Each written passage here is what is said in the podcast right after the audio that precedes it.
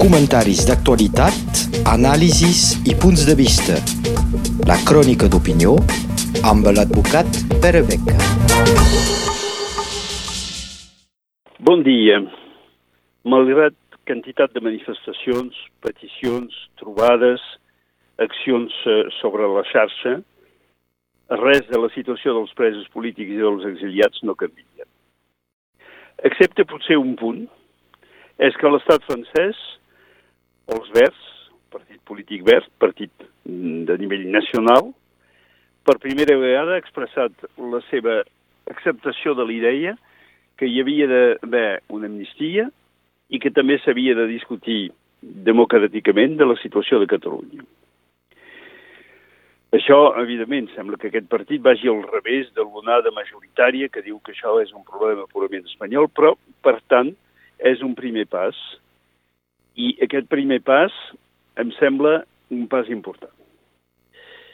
Però va al revés d'un sentiment general a l'estat francès i especialment a la ciutat de Perpinyà de la negació de la problemàtica catalana.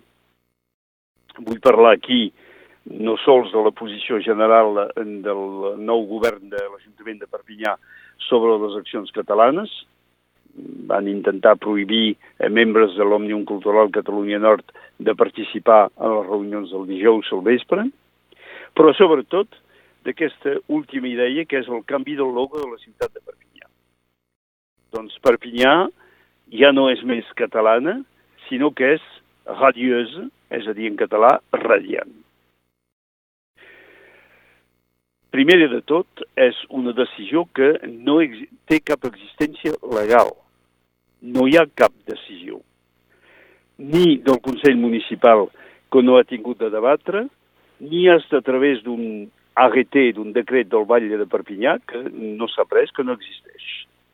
Cap debat, cap deliberació, i hem après recentment, a través de lo que deia el conceptor d'aquest nou logo, que de fet era únicament el Servei de Comunicació que havia pres aquesta decisió. Per tant, no és una decisió qualsevol. Sembla que el cost de moment sigui relativament baix, baix 12.000 euros segons el que diu el conceptor, però, per tant, si s'han de canviar tots els logos, tota la senyalètica de la ciutat de Perpinyà, costarà molt més, sense que hi hagi cap decisió específica. Però això no, no és l'essencial. L'essencial és sobretot que això no és únicament un canvi d'imatge, és una negació històrica. La negació de la història dels 30 últims anys que els batlles de Perpinyà van intentar incloure la ciutat de Perpinyà en l'àmbit català, això més que res amb la decisió que va prendre en el seu moment el Consell Municipal presidit per Jean-Paul Alguí i per aquesta decisió encapçalat per Jaume Roure, però per tant la negació de tota la història anterior de la ciutat de Perpinyà. I és això que justifica que reaccioni la gent tan violentment. Recordem el que va passar a nivell regional en el seu moment amb l'idea de Septimània. El president del seu, en aquell moment, George Freixa, socialista, havia decidit de canviar el nom de Llenguadoc Rosselló, que tenia un sentit geogràfic, encara que no fos perfecte, per anomenar Septimània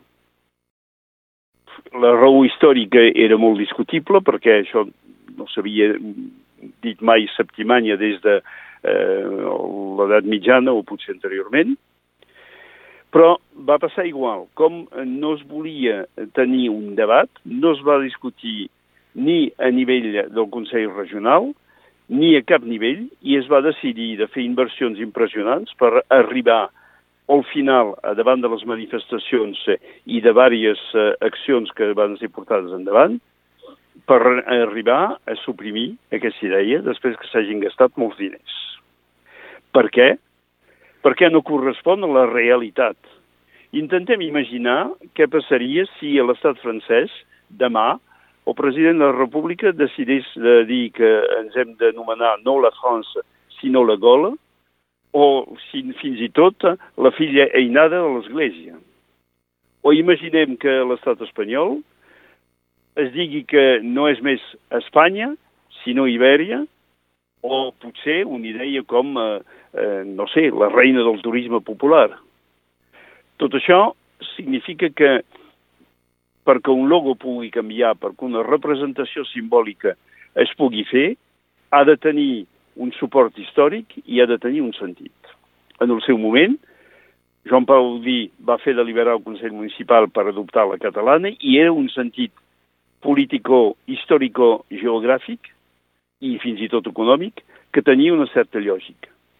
La radiosa o la radiant no en té cap.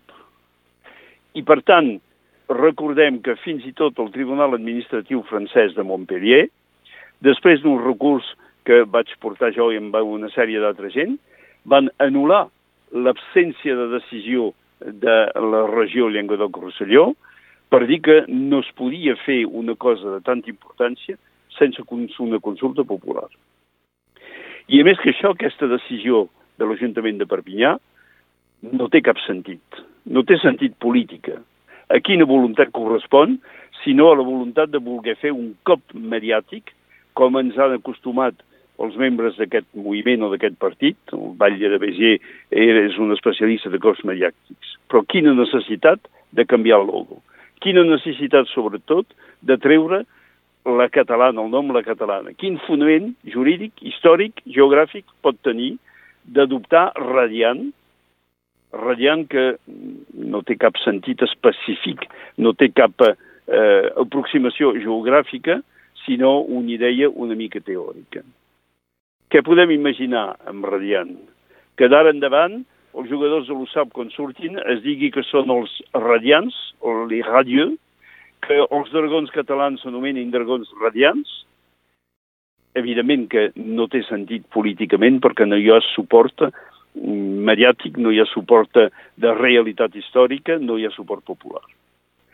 I no podem deixar a part l'idea de tornar a agafar un símbol religiós, ja sé que s'ha explicat que s'havia tret la, cre la creu que portava eh, Sant Joan, però que, de fet, el símbol de Sant Joan és un símbol religiós, en un moment que el mateix estat francès ens està explicant que s'han de treure, en nom de la laïcitat, tots els símbols religiosos.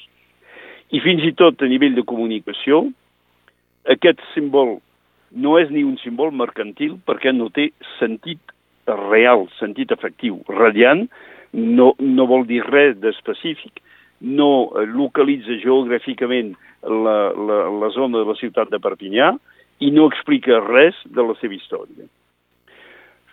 Em sembla que eh, a la història ha, ha existit aquí una costa radiant, una cota radiosa, que tampoc, tampoc ha sigut un èxit a nivell de comunicació. La Costa Vermella sí, perquè correspon a una realitat geogràfica, però radiant, radiosa, eh, sembla que no tingui un sentit real. Per això creiem que això no pot prosperar, no pot anar endavant, i que fins i tot, si el Batlle de Perpinyà vol ser tan democràtic, que ho vol dir, l'única manera de fer-ho seria de submetre no al Consell Municipal, fins i tot fer una mena de referèndum local per a veure si la gent d'aquí vol o no dir-se radiant o si vol o no mantenir-se com catalans. Moltes gràcies. Comentaris d'actualitat, anàlisis i punts de vista. La crònica d'opinió amb l'advocat Pere Beca.